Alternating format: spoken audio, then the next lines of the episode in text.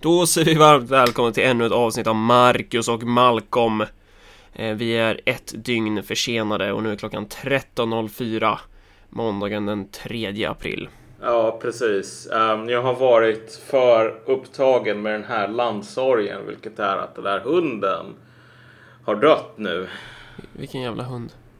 Den här hunden som skapade den här dog-mimen. Ja, Jaha, Den, den hunden är död, den dog nyligen. Den blev 16 år gammal. okej, okej. Eh, ja, vi har ju lyckats, eh, du har ju haft en, en eh, Nocturnal fucktard eh, dygnsrytm, om man kan säga så. Ja, precis. Och jag har eh, för en gångs skull inte haft det, jag brukar ju ha det. Eh, Jag har ju överlag spenderat veckan med att sniffa feromoner, så jag har ju varit- mått väldigt bra. Vilket jag ju inte brukar göra. Och det är ju inte bra, för att då har ju typ allt arbete bara kraschat. Allting har eh, fått eh, dröja lite och sådär, och så sitter tusentals kommunistiska pionjärer i form av våra poddlyssnare och, och gråter över att de inte får sitt eh, eh veckovisa avsnitt. Ja, du har varit upptagen med massor med ovidkommande tråkigheter. Oprofessionella saker. Eh, och eh, ja, vad fan, vad är det vi ska prata om i det här jävla avsnittet? Vi ska, vi ska fortsätta harva det här kring män, män som politiska subjekt, eller hur? Vi ska prata bros before hoes, som man säger. En läxa som du borde ta till dig, Marcus. Ja, eh, ja. Men eh, vi ska prata vuxna män som gör saker tillsammans. Brandstationen, Nile City. Mm. Män som hänger på Reddit och pratar politik. Mm. Vi har ju inför det här avsnittet så har vi ju sagt eh, i flera veckors tid nu har vi sagt att ja, men i nästa avsnitt kommer vi prata om the golden one. Eh, och då har vi säkert byggt upp förväntningar hos folk som vill att man ska sitta och bara kasta bajs på the golden one och riktigt så kommer det inte vara. Vi kommer ju nämna honom kort i avsnittet, ungefär så. Vi, vi har ingen beef med the golden one kan vi väl säga så här. Så den som förväntar sig en ny jävla slapfight kommer nog att bli besviken. Ja, precis. Eh, men okej, vi ska fortsätta prata om män som politiska subjekt då. då. Eh, om vi ska börja med att försöka stolpa upp någon slags spelplan inför det här ämnet då.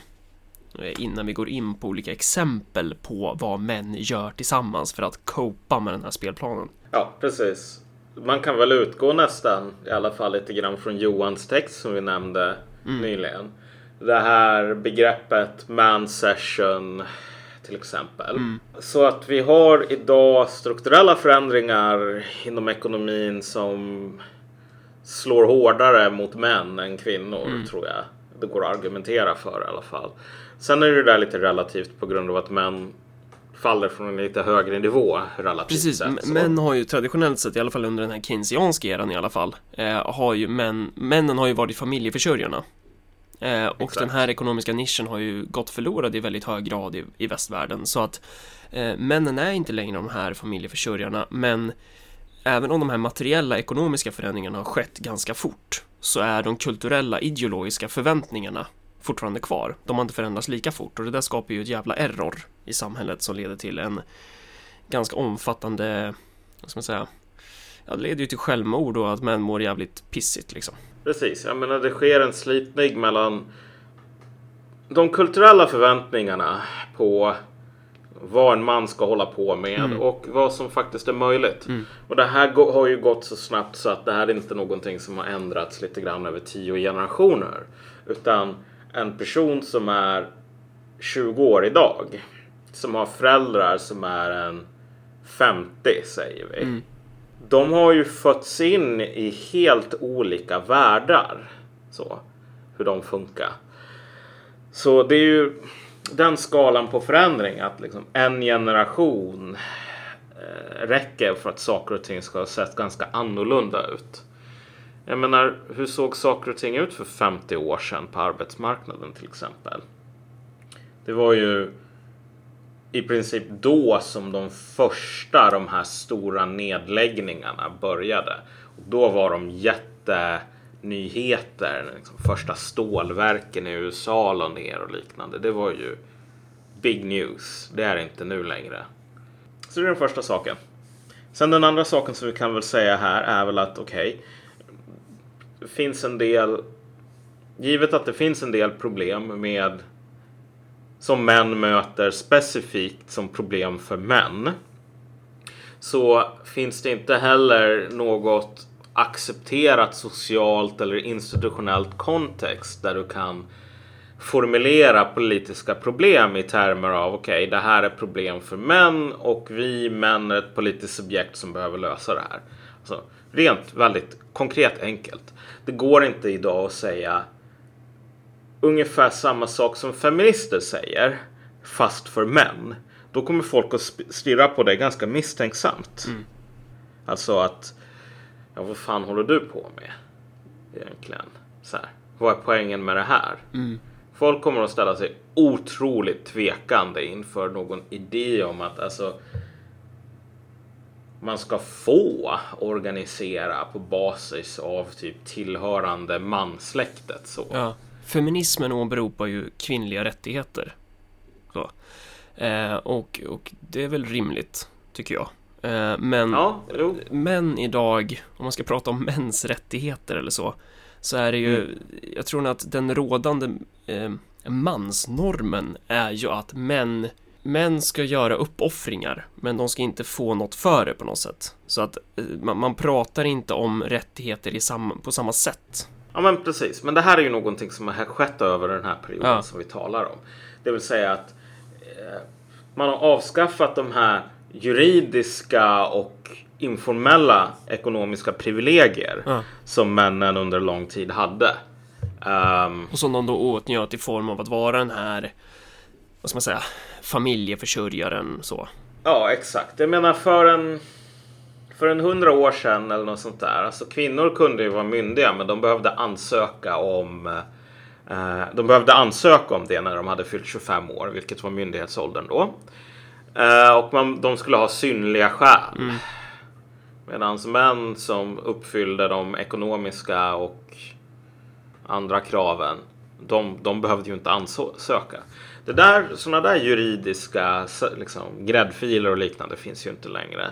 Men de mer informella sakerna, till exempel att ja, man ska vara en familjeförsörjare. Mm.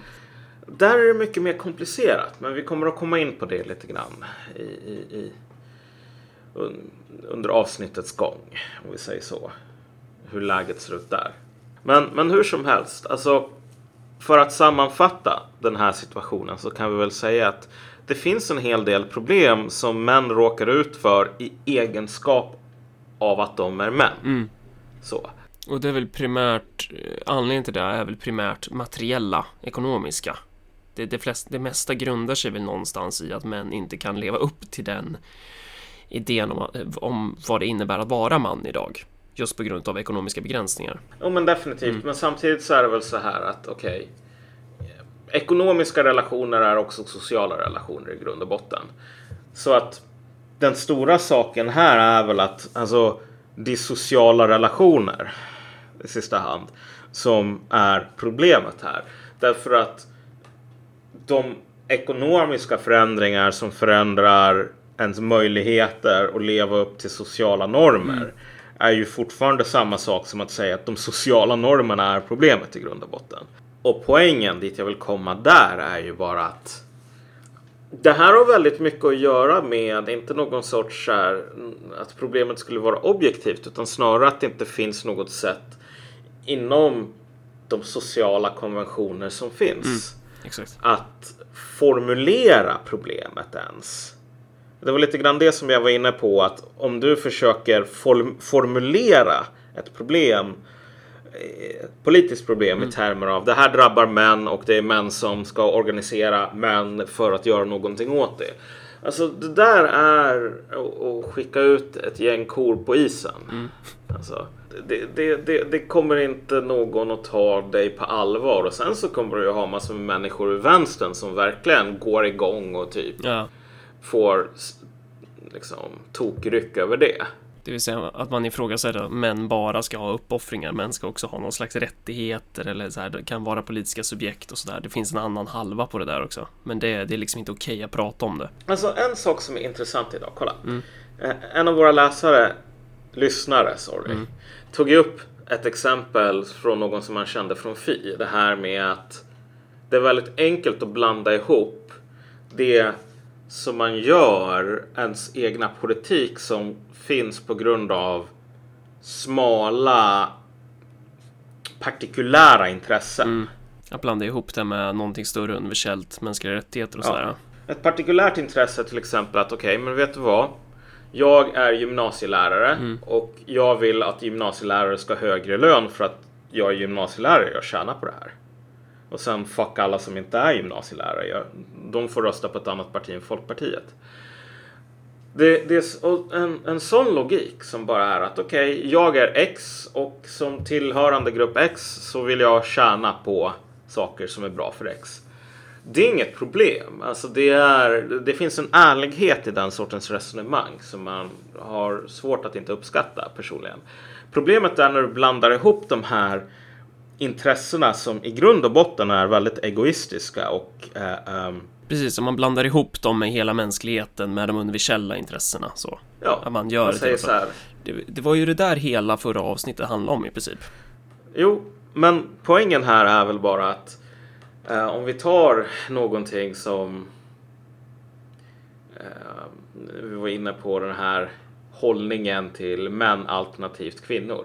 Alltså det är ganska enkelt idag att vad ska man säga, för en kvinna eller för kvinnor som grupp att säga att okej, okay, eftersom det är tillåtet för kvinnor som grupp att formulera krav i termer av ja, alltså partikulära krav som sedermera paketeras som någon sorts uh, uh, uh, framsteg för mänskligheten mm. så, så bör man ju hålla i minnet att samma möjlighet finns inte för män. Nej, exakt. Mer eller mindre. det, och man är ju väldigt misstänksam för att okej, okay, om du säger att ja, men typ Män tycker att det här borde göras. Det här kommer att vara bra för hela mänskligheten. Folk kommer ju bara säga nej, det där är någonting som du och dina polare har hittat på för att ni ska tjäna på det.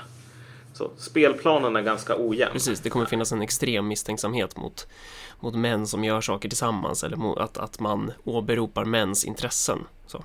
Ja, exakt. Eh, men ja, om vi ska gå över till män som gör saker tillsammans där då.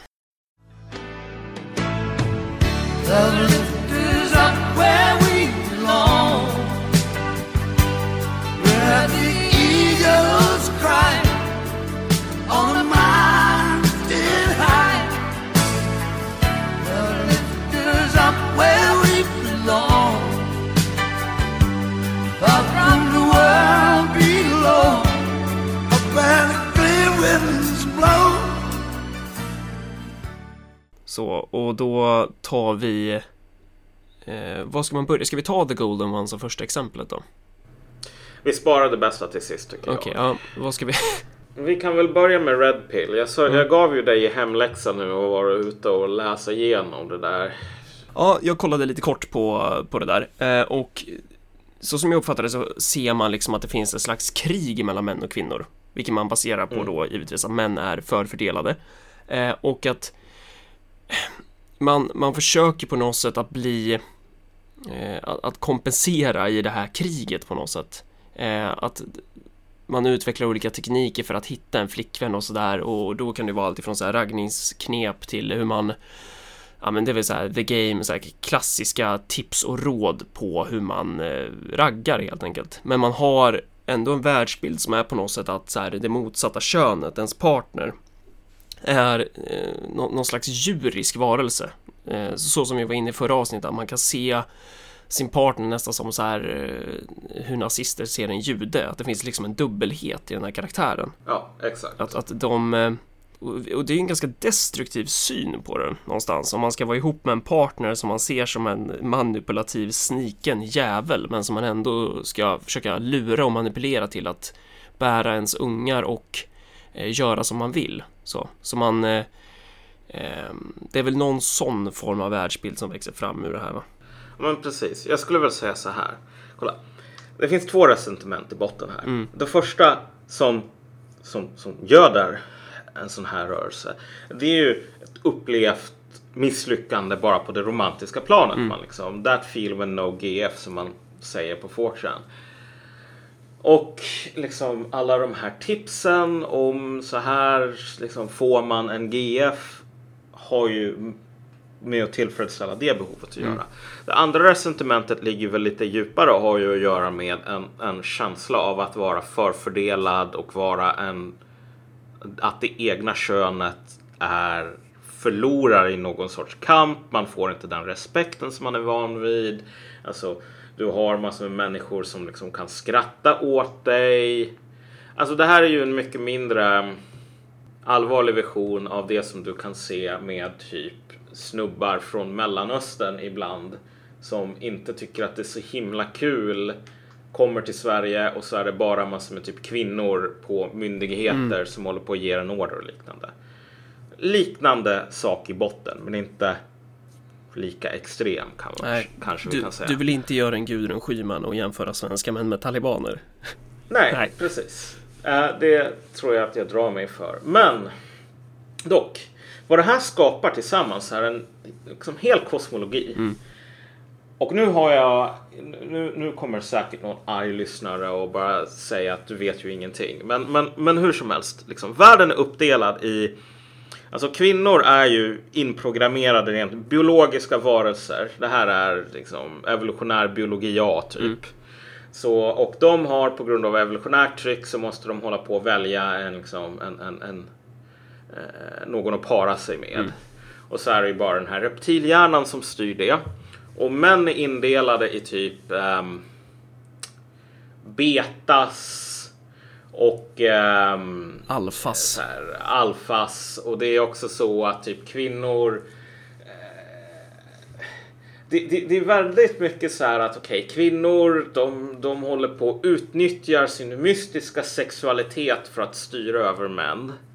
Samtidigt som, och så håller de på och knullar massor med alfas tills de kan, inte kan se snygga längre för då kan de inte typ göra världen till sitt ostron genom att typ visa brösten. Och då måste de hitta någon sån här betakack som de ska liksom tvinga uppfostra alla de här barnen som man har haft med string, kringströvande alfas.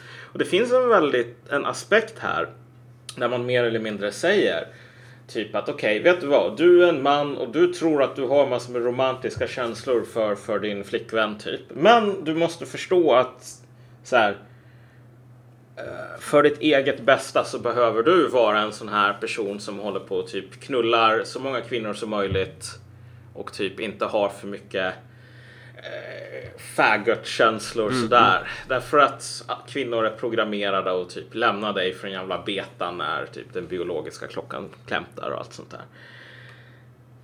Och du tar upp det här med judefiguren. Så är det ju självklart. Kvinnan är genom användandet av sin sexualitet som har väldigt långtgående mystiska krafter som ingen kan förklara. Så är i och för sig har en reptilhjärna. Men styr ändå världen, har mer eller mindre anpassat kulturen ungefär som aliens i filmen Aliens typ gör om hela den där jävla installationen till, för, för att kunna lägga massor med ägg. Det liberala samtida samhällsprojektet eh, blir på något sätt kvinnans fel då? då?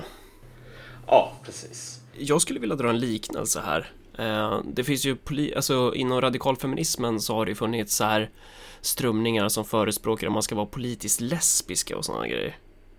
Ja. Men det kanske är någonting vi kommer komma in mer på sen med hur män isolerar sig och sådär. Men det är också, det finns ju liknande varianter även inom, eh, inom feminismen så. Precis, jo men liksom det här är ju någonting åt det hållet skulle jag väl säga.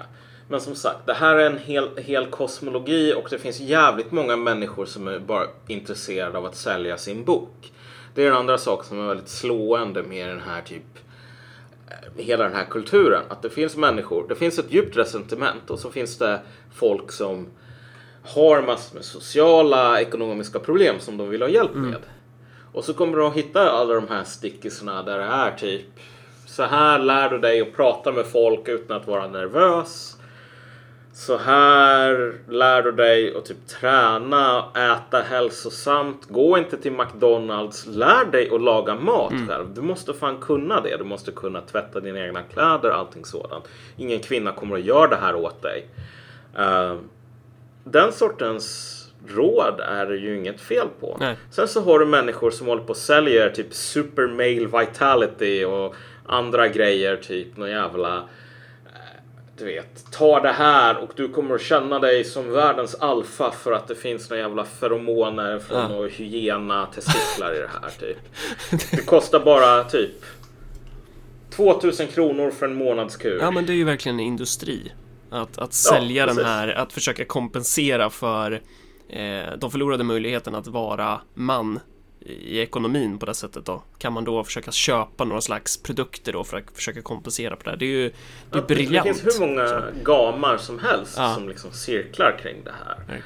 Eh, men, men som sagt, eh, om man nu ska verkligen förenkla Red Pill Mm. och hela den sfären så är det ju på något plan ett försök att säga att problemet idag det är att det finns massor med män som har blivit lurade Mm. och inte är manliga nog. Mer eller mindre.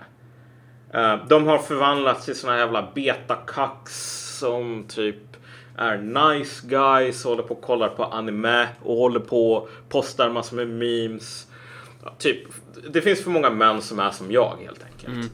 Det är det stora problemet idag. Och de här personerna behöver bara lära sig att... ehm, Att bli lite mer som eh, någon drakdödare i Skyrim kanske. Man ska, man ska bli en jävla macho liksom.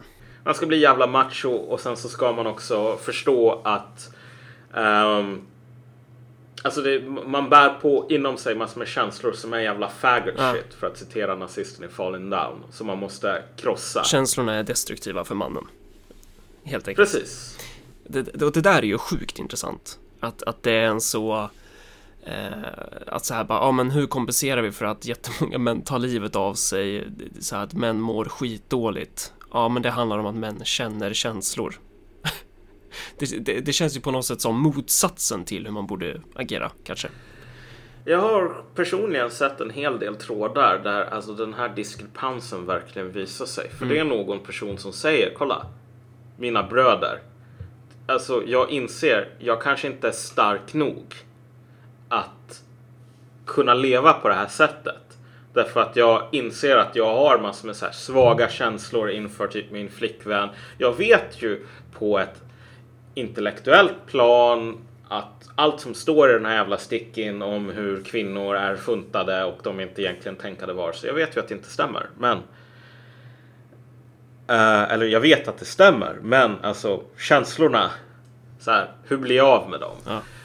Eh, så det finns ju väldigt eh, det här är ett paketlösning och så finns det alla de här gamarna och det finns alla de här destruktiva sidorna. Men det finns också ganska om det bara fanns destruktiva sidor här så är det, skulle det här inte vara en grej. Nej.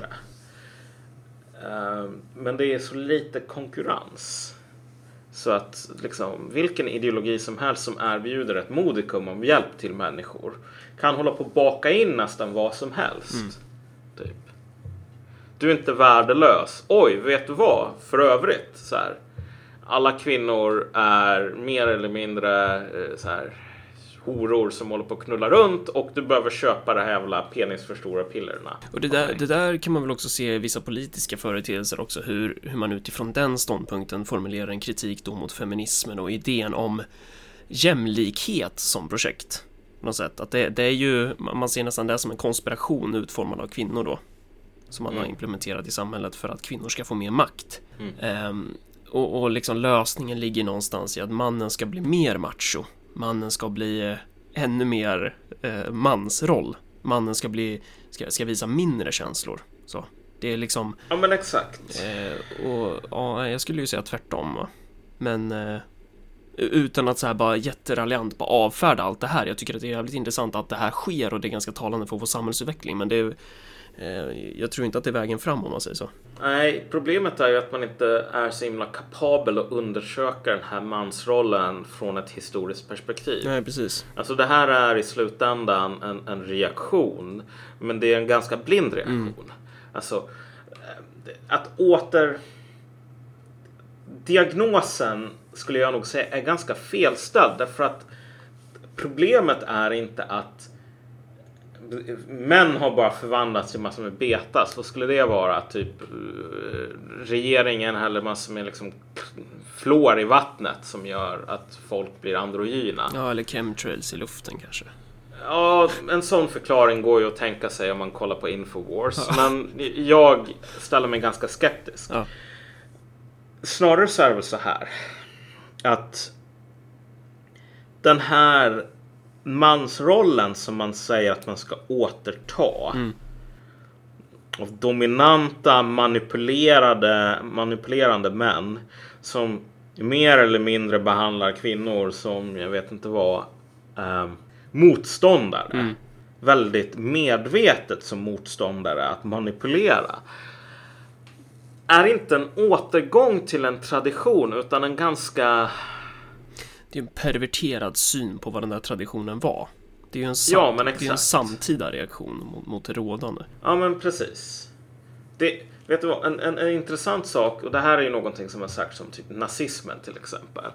Att nazismen var den reaktionära modernismen på ett plan. Det var den modernistiska motståndsrörelsen mot modernismen, typ. Och det här är någonting liknande. Det här är en, en, en reaktion som är totalt överdeterminerad av det sociala historiska sammanhang som den föds ur. Typ. Det här är en mansroll som är inte en återgång till någonting tidigare utan bara en sorts spegelbild, en invertering av den mansrollen som man säger att man hatar. Precis. Eh, ska vi gå in på ett annat exempel? Ja, det kan vi Det är göra. det här men going their own way. Men- Män som gör saker tillsammans helt enkelt. Och det Jag tycker att det här, men det är väldigt fascinerande den, den här. det handlar väl om jag förstått det här rätt och det handlar helt enkelt bara om att man försöker leva helt utan kvinnor. Jag tror att det finns ganska stor spännvidd, Ja. men alltså ja, ungefär Brutalt så. kortfattat. Och då återigen då det här med politisk eh, masslesbianism som man kan hitta inom radikalfeminismen hos en del. Att, att, för där förespråkar man ju att man ska leva helt utan män. Att man ska bli lesbisk av politiska orsaker. Att det, Ja. det här är ju en annan version av det här på något sätt. Jag har inte sett något exempel på folk som, förutom på typ en alkis på Palermo, som sa bara du grabbar, ni, måste, ni borde bli gay. Ja. Därför att det är så jävla la- lätt. Det är så jävla nice. Inga fruntimmer som håller på och tjötar. Mm, typ. Så här, två män förstår hur, hur man gör det skönt för den andra och så vidare. Jag, tror, jag har inte sett så himla mycket sånt här, men, men den stora skiljelinjen här är väl att om vi säger så här att den här mer red pill tendensen ser på mansrollen som någonting som vi har fått för många kax, vi måste återerövra den. Så är väl mycket av subtexten, eller inte en subtext, man säger det här väldigt öppet eh, inom Men Going Their Own Way att alltså de här könsrollerna, systemet, spelet är riggat. Liksom. Walk away from the knas. Och det finns väl säkert några där som menar att det här innebär att man ska bli asexuell typ. Men den större poängen är väl bara så här att snarare att, än att män ska se sig som typ om de vore någon jävla lejon i National Geographic och ska liksom bete sig så. Måste hela tiden tänka, ja men vad skulle ett lejon i National Geographic ha gjort? Så är väl poängen att inse att de här könsrollerna, det är ingenting som du kommer att tjäna på. Liksom. Bara släpp dem. Um, därför att de är bara skadliga och de är, alltså de är orättvisa. Och visst, i, i, i många fall så är det väl så att man också tycker att kvinnliga eh, element har eh, förstört samhället på grund av att de har fört in sin logik och så vidare. Men alltså, Man, man gör en dygd av att spotta förväntningarna i ansiktet. Så. Ja, precis. Och det kanske är kvinnors fel att det ser ut så här etc. etc. Men poängen är inte att man ska ta konflikt Nej. till 100 procent. Utan poängen är väl snarare att inse att den här konflikten Den är förlorad. Det är bara att gå därifrån. Ja, Man ska inte vara en del av det liksom. Ja men ungefär. Det, du vet, runt alla hjärtans dag och så vidare så är det väl massor med jävla vänstertokar som håller på och postar på Facebook. Visste ni att alla hjärtans dag är en kapitalistisk komplott för att sälja choklad? No shit, det stämmer väl det till någon jävla del. Ja. Alltså diamantringar är ju det. Ehm, det. Det är fan jävligt nyligen som så här, du måste köpa en diamantring blev en grej. Mhm, Det har inte ens funnits i hundra år. Eh, men typ om du tänker dig Men going the wrong way, ta den logiken och kicka upp den inte bara en jävla notch utan så här till max temperatur. Där. Så kan man väl säga att det mesta som, som, som, som är dåligt för män är en jävla komplott för eh, för att det ska bli dåligt för män. Och walk away from the knas. Lär dig ta hand om dig själv. Skaffa alla de här färdigheterna som man tidigare kunde ha förväntat sig att kvinnor skulle göra. Laga mat, och så behöver du inte... tvätta. Ja, ja. Ja, du, jag är ju en otroligt stor fan av den aspekten. Jag kan säga så här. Ehm, idag så går det fan inte att förvänta sig att en jävla ett fruntimmer ska veta hur man gör en bra hollandaise till exempel. Nej. Så eh, Det är ju det sista som ska snacka om mat, matlagning. Du går ju typ och köper 40 kilo renskav på, på ICA. Eh, Finns det ens där? Ja, du, du får ju tag i det här på något jävla sätt och så äter du ju samma mat i en månad. Det är typ, det är typ den uppfattningen jag har fått av, av din liksom så här alltså. matlagning. Bara så, här, så jävla cyniskt. Cyniskt Va? sätt att behålla föda på. Du, jag lagar jävligt mycket grejer här. Jag är fan bra på att laga mat. Och jag säger det på grund av att... ehm, ja men vad fan, jag kan inte lita på att någon jävla kvinna ska göra Nej. det åt mig. Typ. Så jag menar, jag har en viss sympati, kanske du märker, för, för idén om att du behöver vara ganska självständig. Ja. För så sagt. Det går inte att lita på någon nu för tiden. Nej. Folk köper såna jävla bearnaise på typ burk och gör inte den själv, vet inte hur man gör. Eh, det triggar mig. Det triggar mig så otroligt. Eh, Vi ska, vi ska inte angripa flötthinken. Flötthinken är ju, den är ju helig. Det är ju en helig folkhemsattiralj som, som, eh, som fan ska, eh, jag vet inte, heter det kravmärkas eller vad heter det? Den store K-märkas. Mao Zedong sa En ledare bör simma med folket men han bör inte drunkna med det. Okej, så Det är ungefär samma inställning som jag har till det här förtärandet av bearnaise-liknande eh, rapsoljejox. Typ. bearnaisesåsen är ju inte, ska ju egentligen inte vara sås. Den ska ju vara liksom, det ska vara en flott klump. Eh, Det är ju, då, då är vi ju hemma. Bro, do you even cook? Alltså, vi, vi lämnar det här bakom oss innan jag får någon jävla hjärnblödning av att lyssna på dig. Eh, När vi är ändå Eh, inne så- på bearnaisesås går vi över till the golden one. Ja, just det. Eh, och eh, ja, vi skulle spara det bästa till sist. Han, vi har väl eh, egentligen tangerat honom lite grann i det här första exemplet då med The Game slash Red Pill allt det där. För att han, han pratar väl väldigt mycket om det här med beta och kax och uh, alfa och allt vad fan det är. Ja, jo, men definitivt. Han verkar ju eh, ha en del sam... Eh, blivit exponerad till den miljön sådär. Ja, Men vi behöver förklara vem The Golden One ja är. precis. Vad, vad är han? Han är ju en... eh, Han är väl jävligt muskulös, blond eh, snubbe. Marcus Folin heter han va? Eh, bor i upp, Ja, precis. Uppsala. Han bor här i Uppsala. Ehm, den här underbara staden där alla stora tänkare, personer i Sverige har bott eller bor. Typ, typ den sista staden i Sverige där jag skulle satsa på att bygga en politisk rörelse. Det det är den sortens människor som bor i Uppsala. Men ja, fortsätt. Ja, i och för sig, i och för sig. Hur som helst. Ehm, och The Golden One kan man gå in och söka på Google och om man ska vara riktigt så här to the point. Hans stora grej är att han är någon form av vagt definierad nationalist. Alltså ungefär som mongolpartiet, alltså nazistiska partiet i Mongoliet är nazister. Ja, de ja. Alltså. Ja, de känner du väl till? Ja, jo det gör jag faktiskt. Jag bara tänkte. Det finns faktiskt två partier nu, de har splittrats. Nej, på men, riktigt? Men så här, ja, det har de. Splittringen var en bra sak. Ja.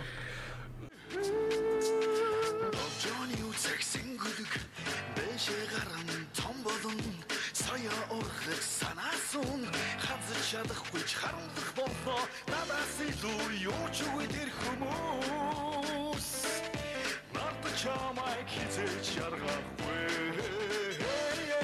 نوت کلبیسی پیرچی نبرو خرخ بازنا نوی دارچلند بخیوس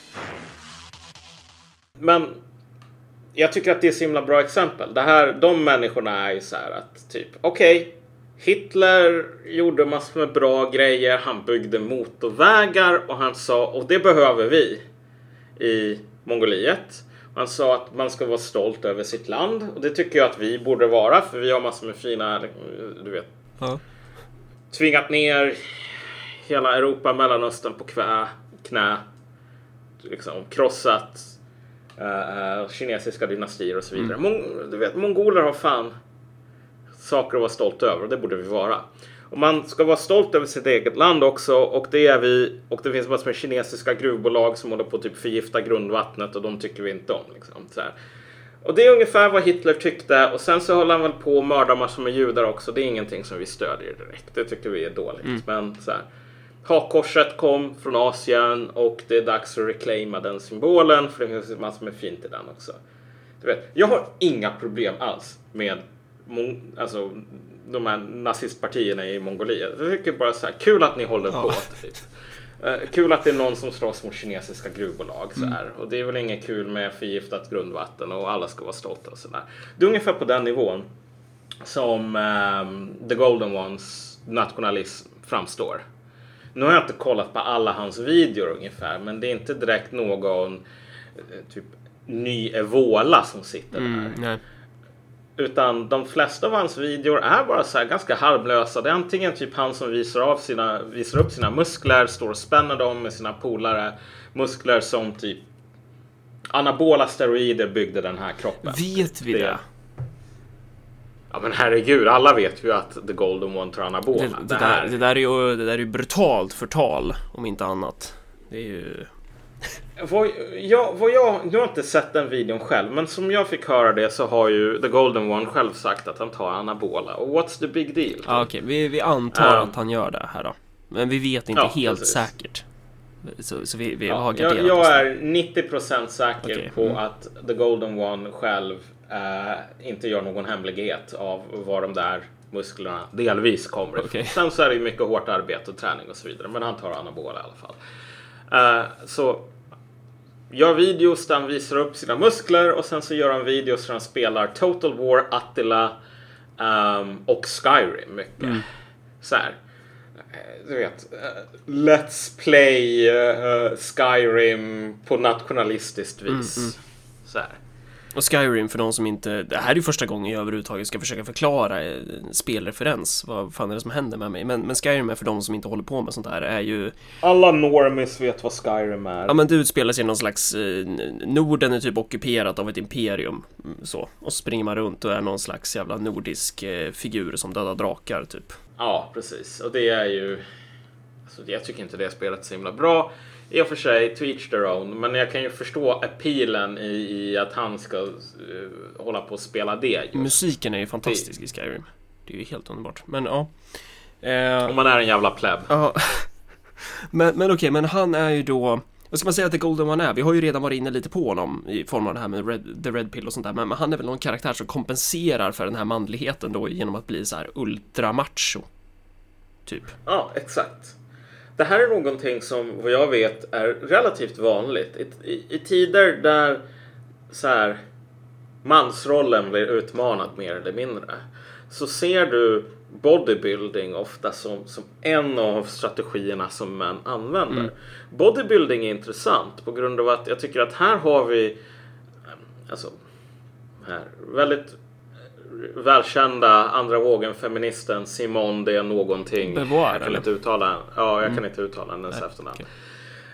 Eh, kom ju med den här poängen som jag tror är väldigt sann, vilket är att alltså, transvestit, Ja. en, en, en, en man som klär ut sig till kvinna, fattar någonting om kvinnlighet som många kvinnor inte förstår. Vilket är att kvinnlighet är bara yta. Det är någonting som man lär sig. Så här. Eh, därför att kvinnor föds inte med, de kommer inte ur fittan med typ smink på sig och nagellack och uh, Vetskapen om hur man och inte liksom krymper kläder och så vidare. Ja, utan, utan allt det här, högklackat, strumpbyxor, bla bla bla.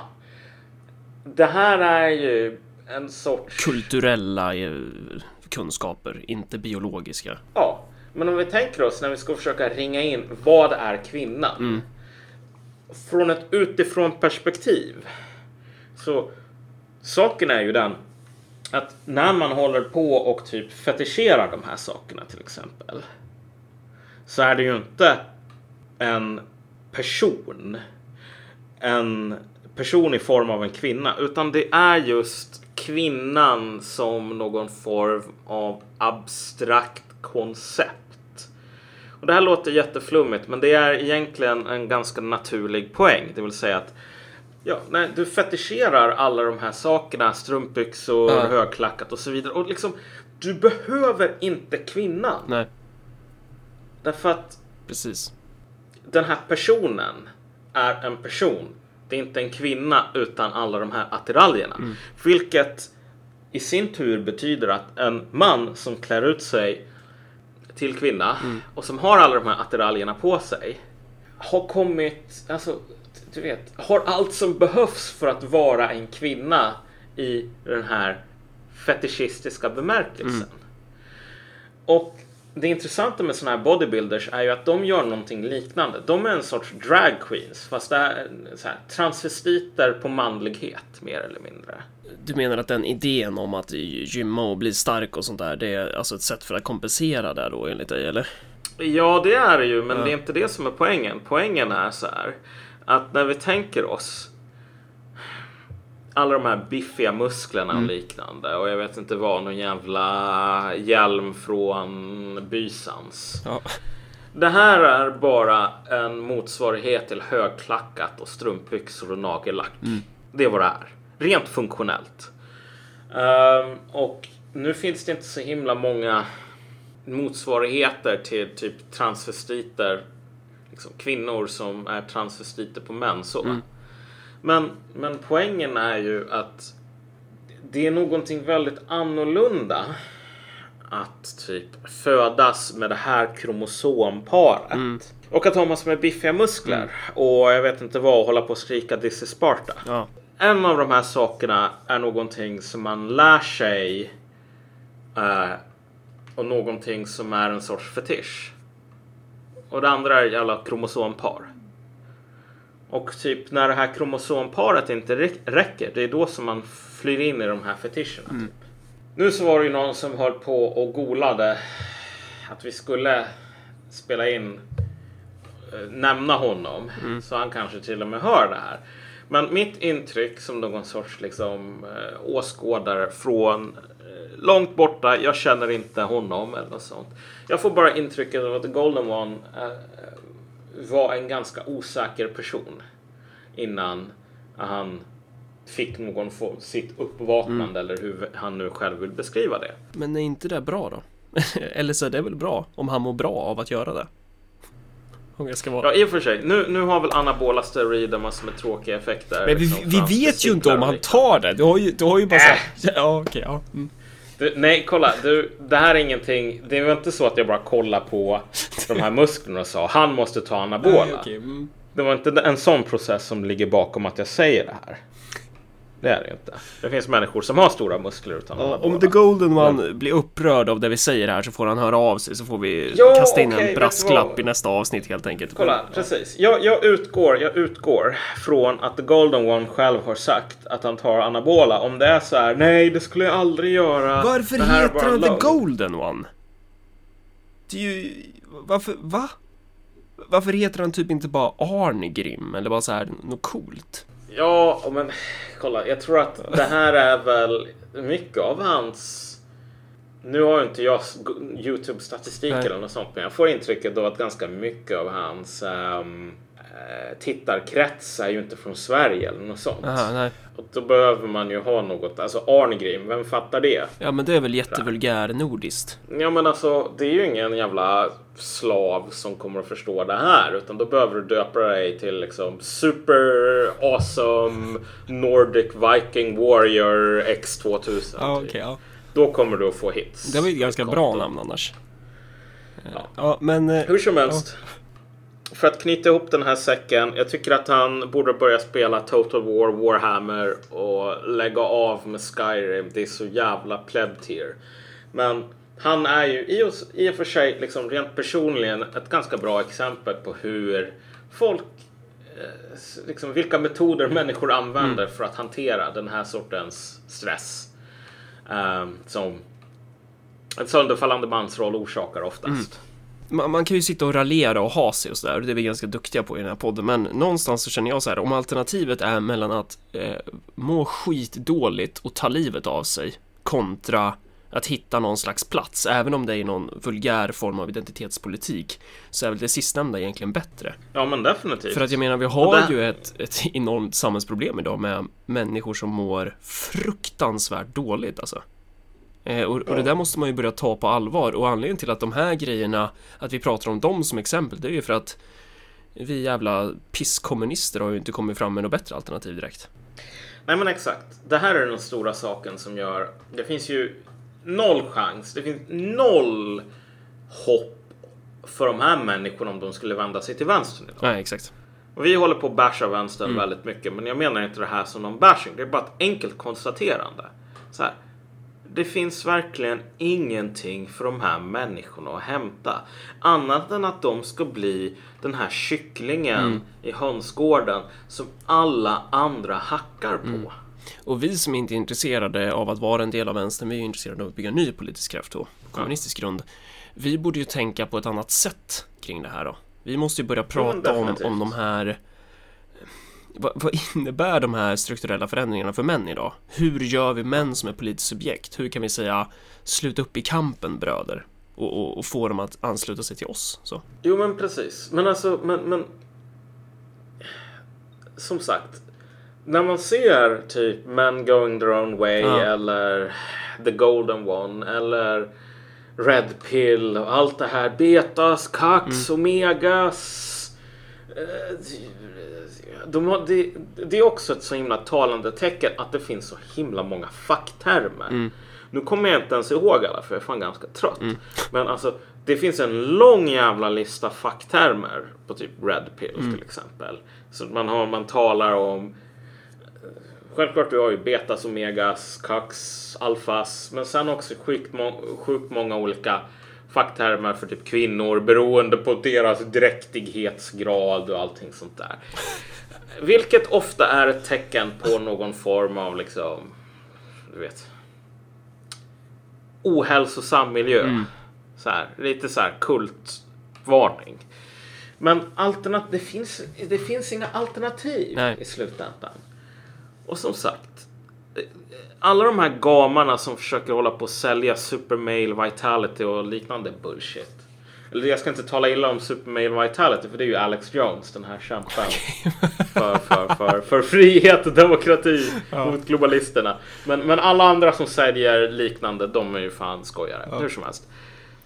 Någonting händer Det är något stort på gång med våra Det är Marcus och Malcolms podd Ja, nej men alltså, det, det intressanta med såna här, den här sortens ekonomiska sociala förändringar är ju att det är kärran som släpar åsnan framför sig på något plan. Eller, därför att man, ska, man kan ta Italien som exempel som är ett av de här länderna som har drabbats allra mest av sådana här strukturella förändringar den här ekonomiska sekulära stagnationen i Europa. Eh, Och om du är 20 år i Italien idag så tar det typ en 20 år eller någonting innan du kan bli det som kallas för vuxen. Och med det menar man väl ungefär att du har ett jobb som är någonstans över att vända hamburgare på McDonalds för under minimilönen. Du har någon egenstans att bo. Du bor inte längre hemma hos föräldrarna och du har någon sorts teoretisk möjlighet att ta hand om en familj. Typ. Ja, precis. Det är liksom sett till vad, vad som skulle krävas i materiella krav typ, för att kunna göra det. Helt enkelt. Ja, precis. Och då beräknar man att det tar 20 år att bli vuxen. Från det att man är 20 år, typ. Exakt. Och det är också så här.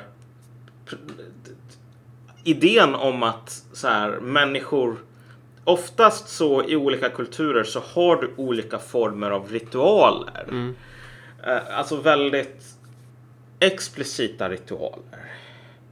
Som du använder dig av när någon blir myndig typ.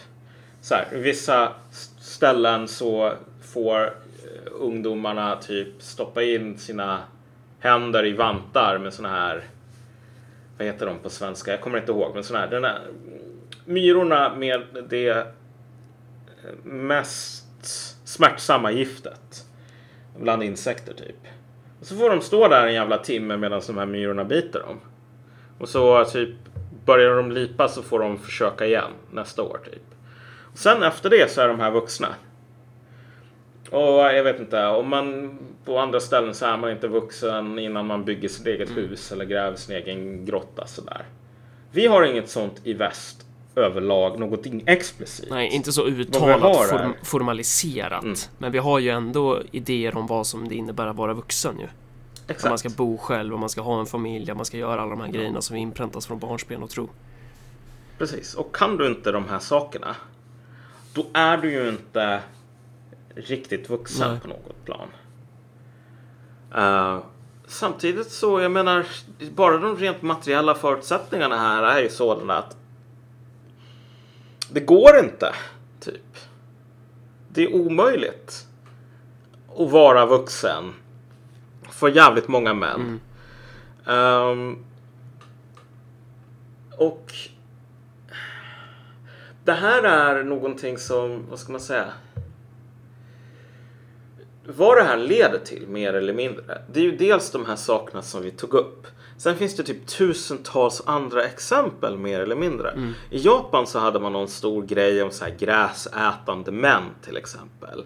Män som till skillnad från den gamla generationen som var så här köttätande och som typ höll på och klappa fruntimmer på runtan, rumpan och typ sexuellt trakassera dem för att det är så män gör. Eh, och du vet, tog för sig. Så har vi massor med människor som är, du vet, de vill inte hålla på och gifta sig och allting sånt där. Och de säger sig själva inte bry sig om allt det där. Och jag menar, det är ju det man måste förstå här är ju den djupa ofrivilligheten på ett plan. I att inte vilja gifta sig. Därför att det här är människor som typ inte har så stor chans att kunna göra det. Samtidigt så är det ju en frivillig acceptans, anpassning och säga så här, okej, vet du vad, det här livet är inte för mig. Jag har andra prioriteringar. Så att de här sociala rollerna håller ju på att förändras och det gör de ju alltid, typ. Det har de alltid gjort. Det är, väldigt, det är någonting som enskilda individer inte kan styra så himla mycket över, typ. Ehm. Det vi kan göra är väl att försöka erkänna att de förändras. För jag menar, Exakt. idag då de ekonomiska och materiella förändringarna sker fortare än de kulturella ideologiska så leder det ju till att så här när män inte kan uppnå den här, eh, vad ska man säga, idén om att vara man så kan man ju i förlängningen inte uppnå idén om meningen med livet. För det är ju ändå så här, från barnsben så inpräntas vi i, oavsett om vi spelar The Sims eller om vi kollar på någon jävla amerikansk gullig färgglad eh, familjekomedi eller vad det nu är vi utsätts för så har vi ju en, vi reproducerar en ideologi som säger att meningen med livet är ju att vi ska skaffa familj, att vi ska vara på ett visst sätt och så. Men de ekonomiska förutsättningarna för att leva upp till den sortens mening med livet finns ju inte längre där. Och då, det är ju då man söker sig till olika ställen för att, för att eh, ska vi säga, coping mekanism gentemot det här. Eh, och i förlängning så kan man väl på något sätt säga att många män tar ju livet av sig för att de kan ju inte uppnå den här meningen med livet. Och det är ju så jävla sorgligt på något sätt. Ehm, för att den här ideologin har ju på något sätt blivit ett slags folkhälsoproblem. I förlängningen då. Och det vi behöver då är väl att börja prata om om det faktum att eh, eh, de här idéerna vi har om att det är bra att män gör uppoffringar men det är fel att män ska ha rättigheter på samma sätt så.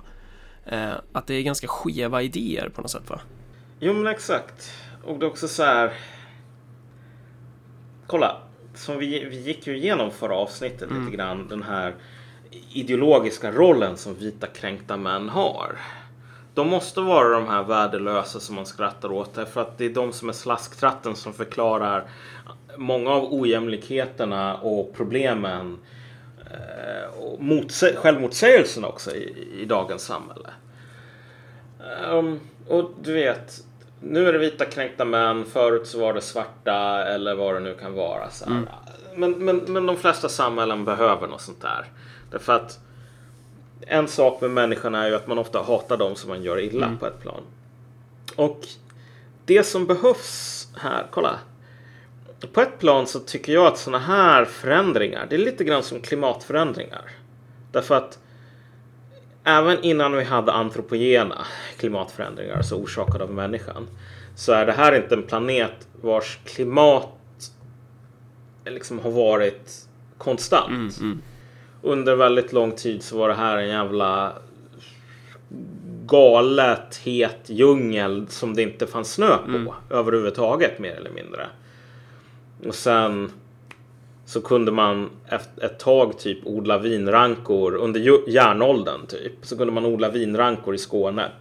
Och det är ju, det är ju Ehm. förändringar som man inte kan göra så mycket saker åt utan det handlar väl mer om Nej. att man får förlika sig med det faktum att saker förändras då.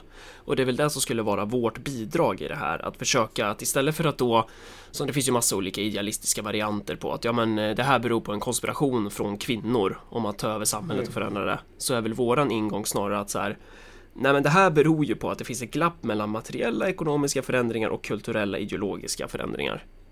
Eh, och det är det som, det är det som bidrar starkt till att män mår piss. Eh, Och, och eh, överlag hur hela den här för jag menar, det är ju inte bara mansrollen som har förändrats, även kvinnorollen har ju förändrats, det har vi pratat om tidigare också, den här idén om att man vill ha den här hemmafrun och du vet allt det där. Det finns ju inga ekonomiska möjligheter för att få den hemmafrun liksom. Eh, och så överlag så har ju den rådande familjebilden som vi ju fortfarande på något sätt vurmar för oavsett om den, alltså finns det väl olika grader i helvetet termer av eh, hur normativ den är och sådär, men fortfarande den idén eh, möjligheterna för den sortens familjebildning att realiseras i praktiken blir ju bara svårare och svårare.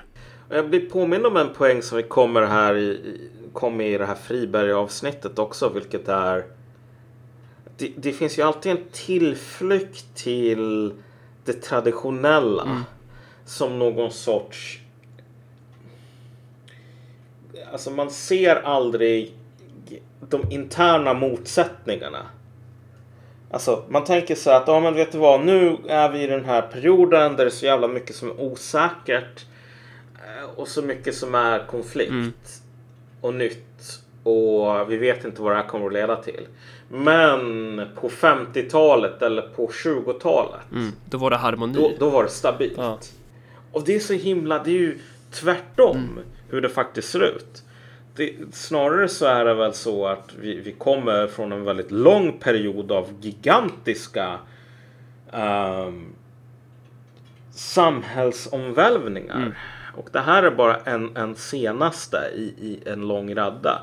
Och typ, människan har ju överlevt det precis som människan har överlevt massor med klimatförändringar.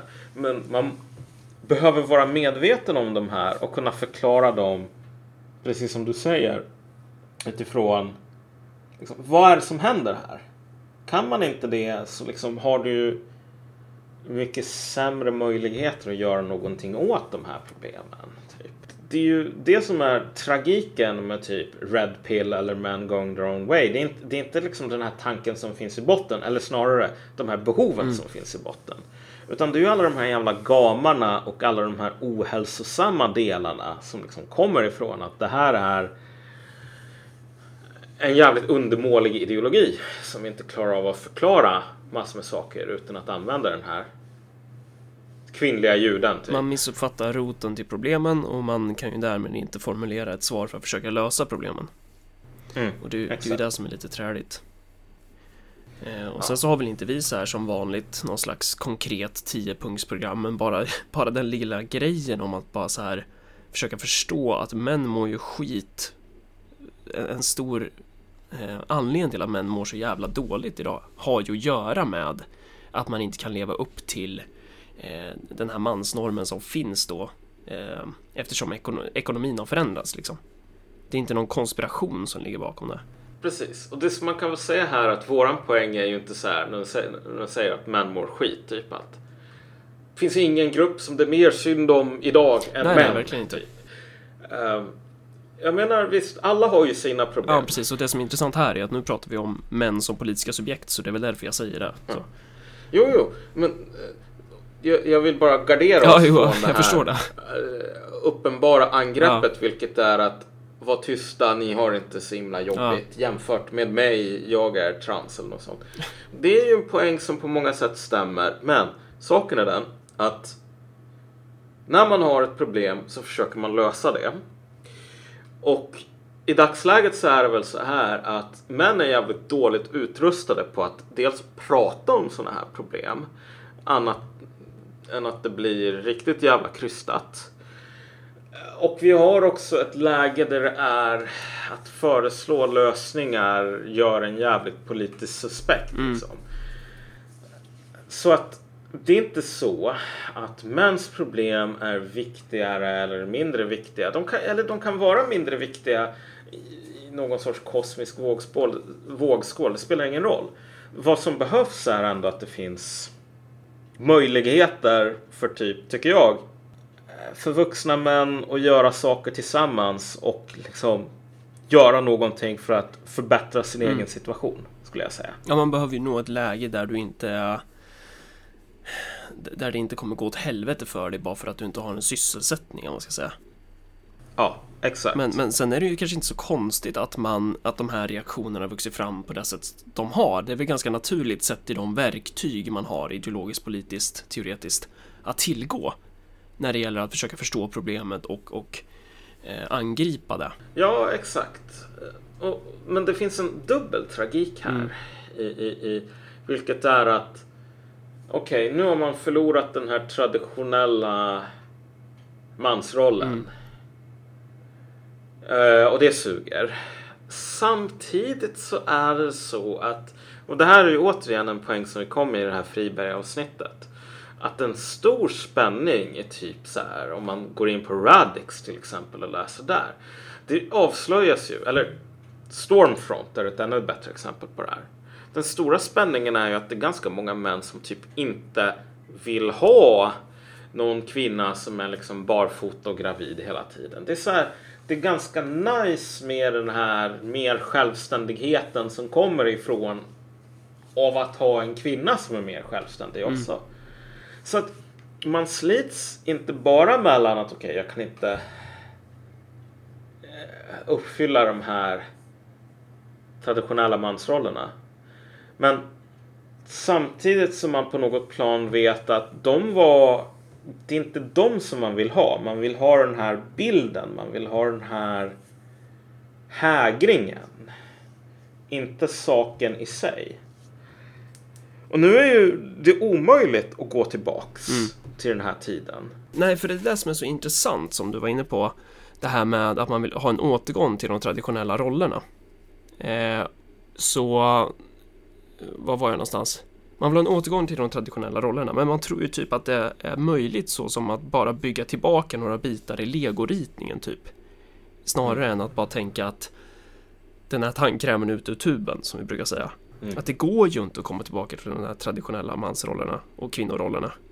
Eh, och och det, det, det är ju det som också är så intressant för många av de här aktörerna som pratar om hur man som man ska svara på de här förändringarna idag. För de har ju någonstans i sitt grundantagande att man att det är eftersträvansvärt med den här idén om mannen.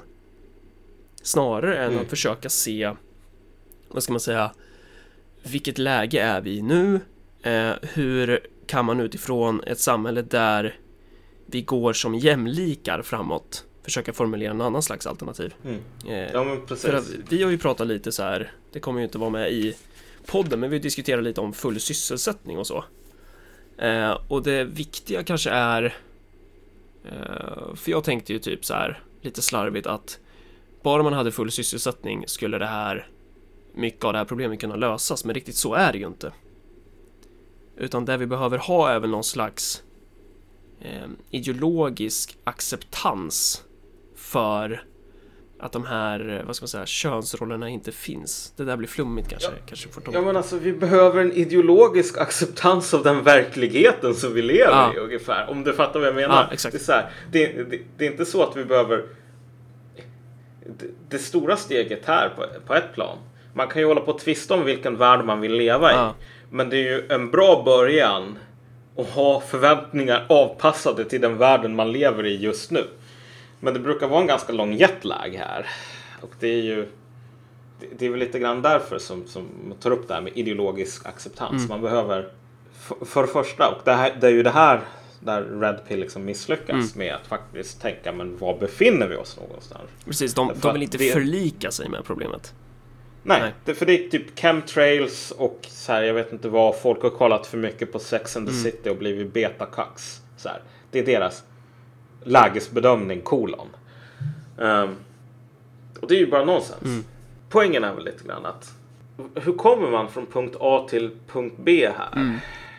Sådana här saker är ju på ett plan så framstår de här förändringarna som sjukt jävla jobbiga och så vidare. Men på ett plan så har vi ju varit här som mänsklighet många gånger förut. Jag menar förr eller senare så kommer den här förlikningen att ske. Och så kommer vi väl att ha någorlunda mer rationella förväntningar på varandra. Avpassat till den situationen som finns typ. Men en av de sakerna som sker under tiden typ. Ja. Det är ju liksom så här att alltså. Eh, om du tänker Italien till exempel. Det är ju ett land med otroligt låg nativitet tror jag.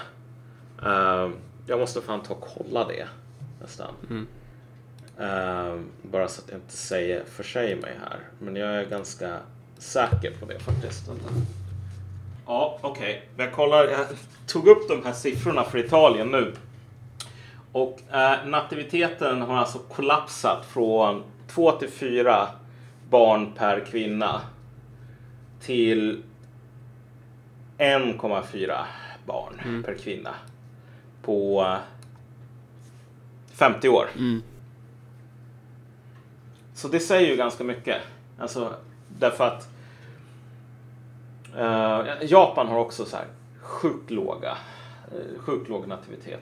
Mycket av det här har ju att göra med att typ kvinnor skaffar inte barn om det inte är så att man har en partner som kan tillfredsställa så här. Liksom, det är inte bara att det ska vara en snubbe utan det ska vara en snubbe som är en vuxen man typ. Och det innebär att man är liksom kapabel att eh, uppfylla alla de här kraven typ. Och när det inte finns någon nästan som gör det så blir liksom resultatet att jävligt många kvinnor inte skaffar barn överhuvudtaget. Och typ känner sig ganska sura över det kanske. Men ja, nej men alltså så att det här är ju någonting som vi kommer att se ganska mycket nu tror jag liksom. Bara en, en, en, en väldigt sjunkande innan man hittar något sätt att liksom anpassa sig till det här så blir, eh, blir resultatet bara att man, folk, folk knullar mindre. Eh, sånt kommer vi att se mycket av tror jag. Ja, det, vill- det vill säga folk skaffar färre barn typ. Ja men precis. Och det är ju kanske inte för att de... Jag tror inte att det var så jävla många kvinnor i Italien 1960 som sa att ja vet du vad, jag har funderat på det och jag vill ha 2,4 barn. Och sen säger de 50 år senare, ja jag har funderat på det och nu räcker det med 1,5 liksom barn. Eh, utan Ja, det, det, det här är ju ett tecken på ett samhälle där alltså folk passar inte in i de här rollerna. Rollerna är förlegade. Ehm, Eh, en annan grej när det gäller roller är ju att vi har ju haft en idé om den manliga försörjaren. Men vi har ju inte haft samma idé om den kvinnliga försörjaren, kanske är värt att säga. Mm. Eh, så, så att det är det som är... Det blir ju på något sätt att män får det ungefär som kvinnor har det på något sätt. Bara det att förväntningarna på män fortfarande är kvar i en annan tid. Ja, jo, men så är det ju självklart. Och Eh, samtidigt så har man väl också på något sätt avskaffat behovet av en man. ja, Att det här med att där kanske du... Det, här- för ja. det här är ju en viktig grej som vi inte har nämnt. Men, men det här med... eh, Ja men om man skulle fråga någon så här, varför behöver vi män typ? Då tidigare, eller så här, utifrån det här idealet så kanske man skulle kunna argumentera för att ja, men män, det är ju det är ju de som gör, jag inte vad, vad gör män som är så jävla bra? De startar krig. De, de håller på med de här de vet skillnaden på vad, 556 och, och Karlssons klister till exempel för att referera till Ja, det gör inte jag. Nej, precis. Och, och att det ligger då i essensen hos män då.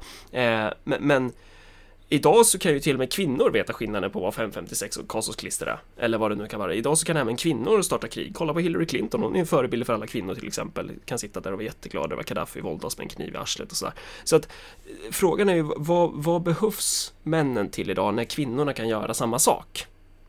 Behovet av Ja. mannen eh, fasas ju ut på det sättet. Ja, men exakt. Det där är ju en väldigt intressant poäng. Jag tror att så här. Det här är ju den här nöten som, alltså om du vill göra någon inom vänstern riktigt eh, obekväm Mm. så är det ju att ställa den här frågan. Okej, så här. Givet att vi håller på och talar om feminism till exempel Mm. eh, och behovet av det. Så här, och behovet av att förbättra situationen för kvinnor. Så här, när, vi, när uppdraget är utfört Mm. finns det ett behov av en mansroll då? Nej, Därför att... Nej men precis, det finns inte. nej. Men, men problemet är att så här, å ena sidan så tror jag att man drar sig nog för att säga att hur ska man lägga fram det här? Man, man vill ju typ att så här Männen ska ju, de har fortfarande en plikt. Du är fortfarande en jävla loser om du inte är kapabel att försörja din partner. Då har partnern all jävla anledning att lämna dig. Så. Men om...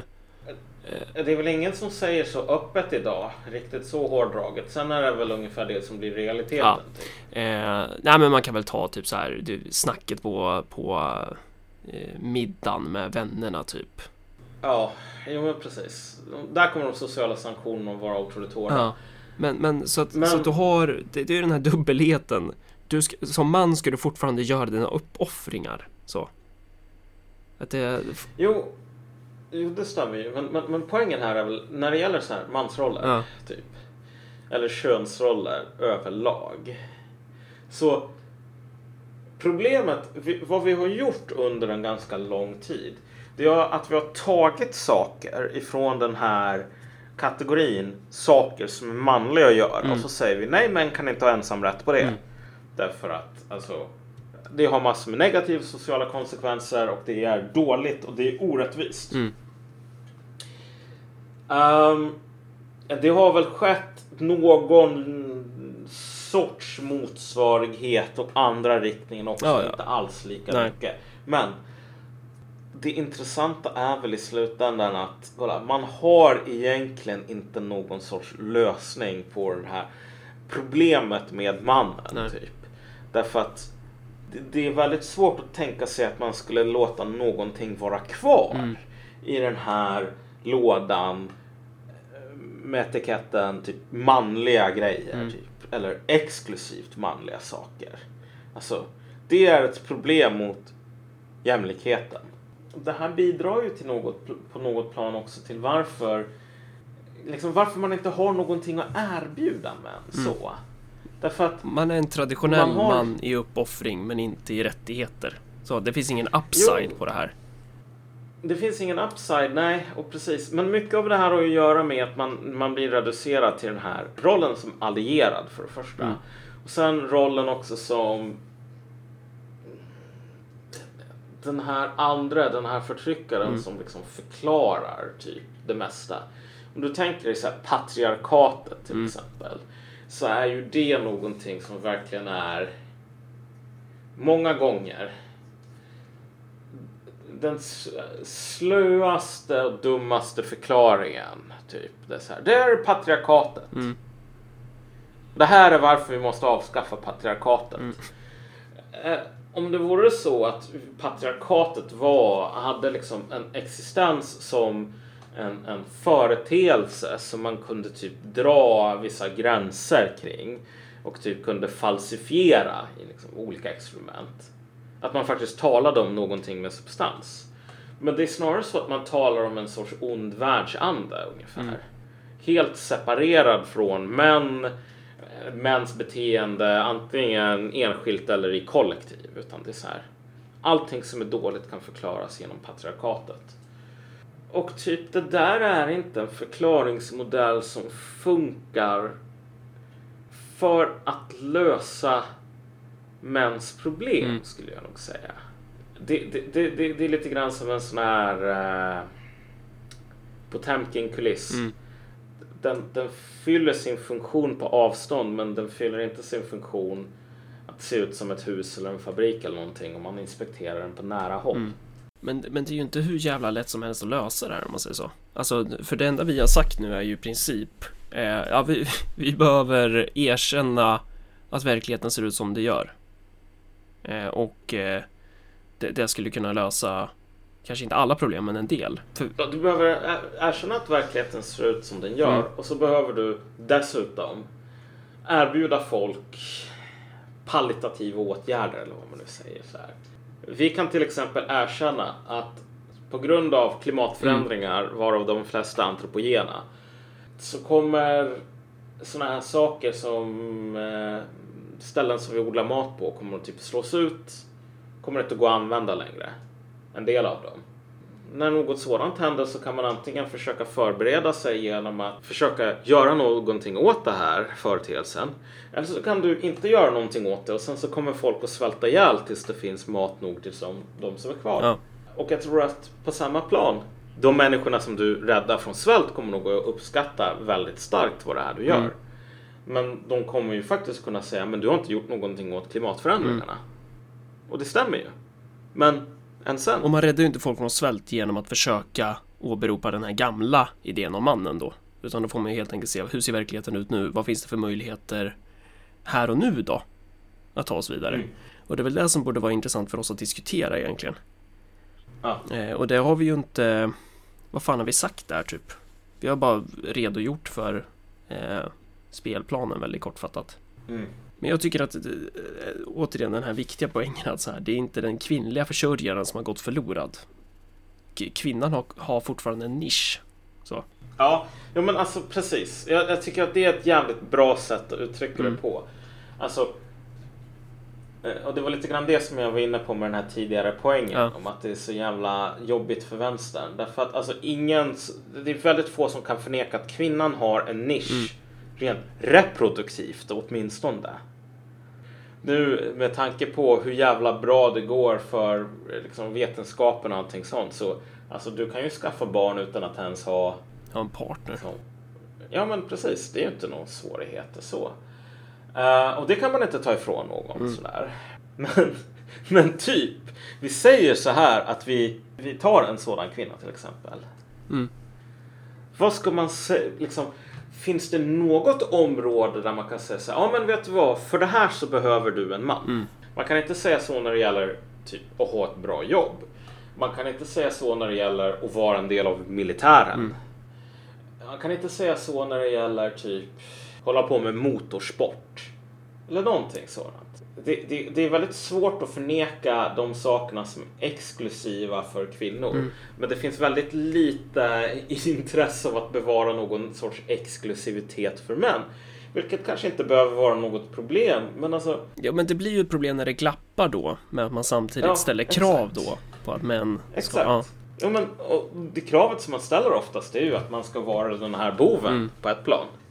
Den som kan förklara det, mycket av det som är dåligt. Mm. Typ. Och vad man inte har är en lösning eller ens en markering om att man bryr sig om de problemen som är liksom, specifika för den här gruppen man talar om. Och en till grej är ju att det här slår väl främst mot män i arbetarklassen.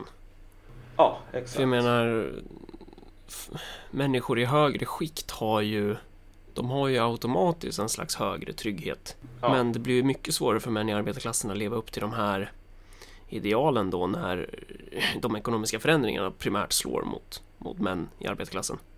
Inte bara mot män i arbetarklass ska jag också säga då, men, men så här, det, det sker ju. Så det, ja, jag Mm. vet inte, och det borde väl också vara ännu mer visa på behovet av att göra de här män, männen till ens politiska subjekt. Bland flera. Mm, precis. Och jag menar, vi tänker så här. Liksom, för att runda av ungefär. Så när man håller på och driver med det här vita kränkta männen och så vidare. Så en sak som är så himla tydligt idag är ju att eh, socialliberaler, vänster och så vidare. De, de är ju ganska lost när det gäller att tala till det här växande segmentet av typ Appalachian-människor sådär. De är, ju, Alltså- de är aliens. Det är ju en helt annan värld Ja. ju. De har ingenting med de men människorna att göra. Och så har vi alla de här jävla äckliga typ. Ja, jag är socialist vilket betyder att jag säger att vi tar bara de som håller med mig. Ja. Eh, för att alla andra, jag, jag förstår inte varför man ska prata med dem. Därför att jag är socialist. Liksom, de människorna är ju tvungna att kasta fler och fler människor på högen Mm. som undermåliga eller lite för reaktionära idag. Och det visar ju att man tolkar det här som någon sorts inneboende reaktion. Det här är ett jävla Mark of Cain som visar att du, du är syndig från början. Mm. Det, det är så talande för att de här personerna är förrädare inför eh, allt vad marxism och allt sånt där heter. Mm. Men det är inte en slump att allt från så här nazister till red pilling liksom, till men going their own way har alltid ett sånt här ganska eh, ofta påtagligt element av någon sån här stödverksamhet. Erbjuda någon form av, alltså det är fan viktigt att du ska må bra och det är viktigt att du ska kunna typ ha en gemenskap och höra hemma i. Det talar för ett djupt jävla behov. Att typ alla håller på så. Oavsett om de typ är ute efter att knacka judar eller att typ säga att alla kvinnor är horor.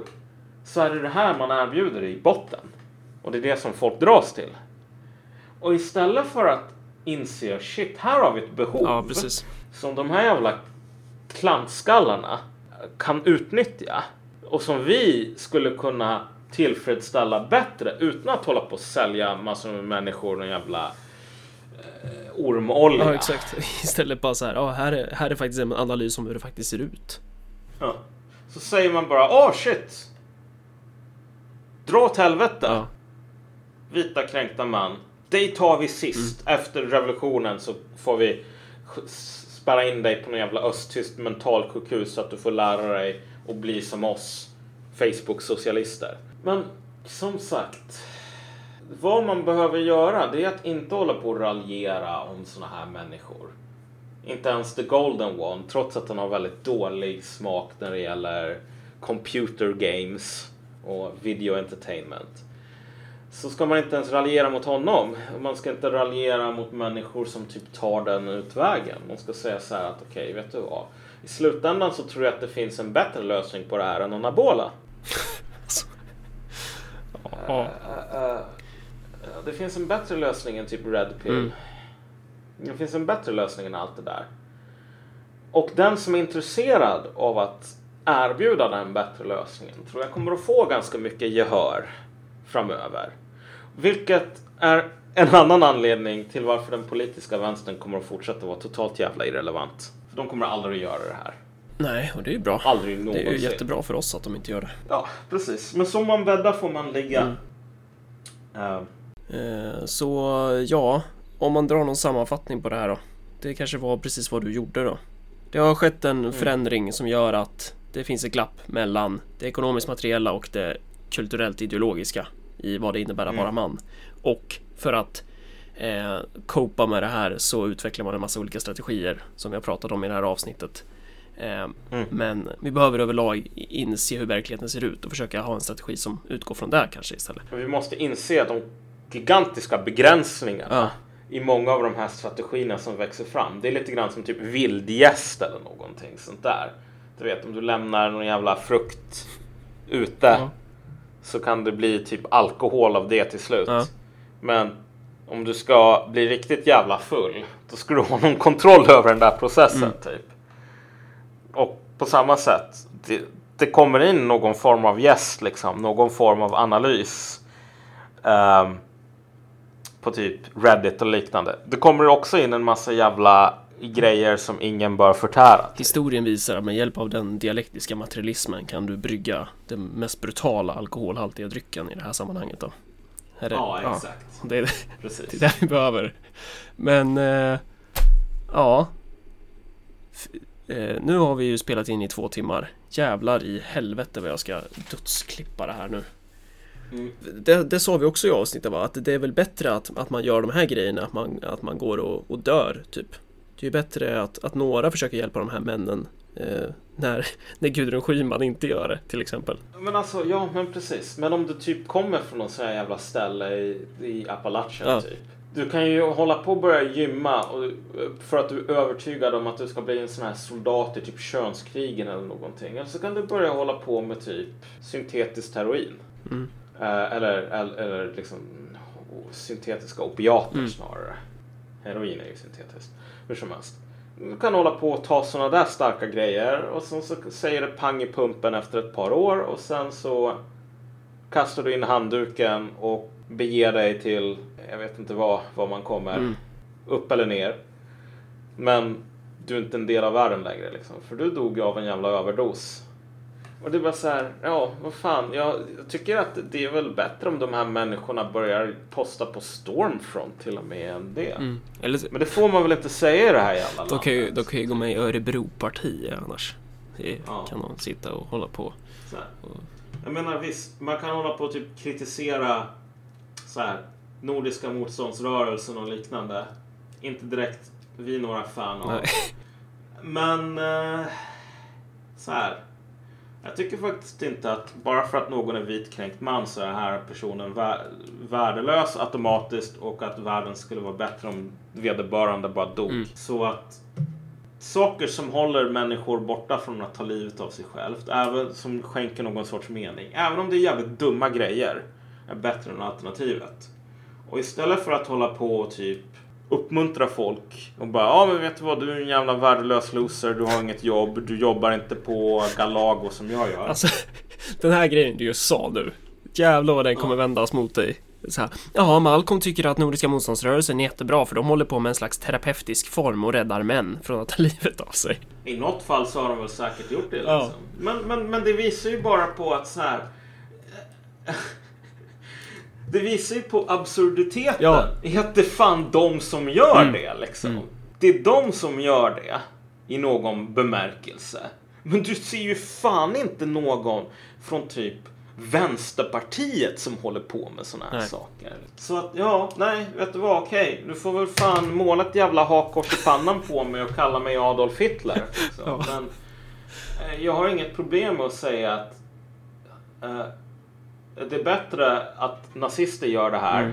än att ingen gör Mm. det.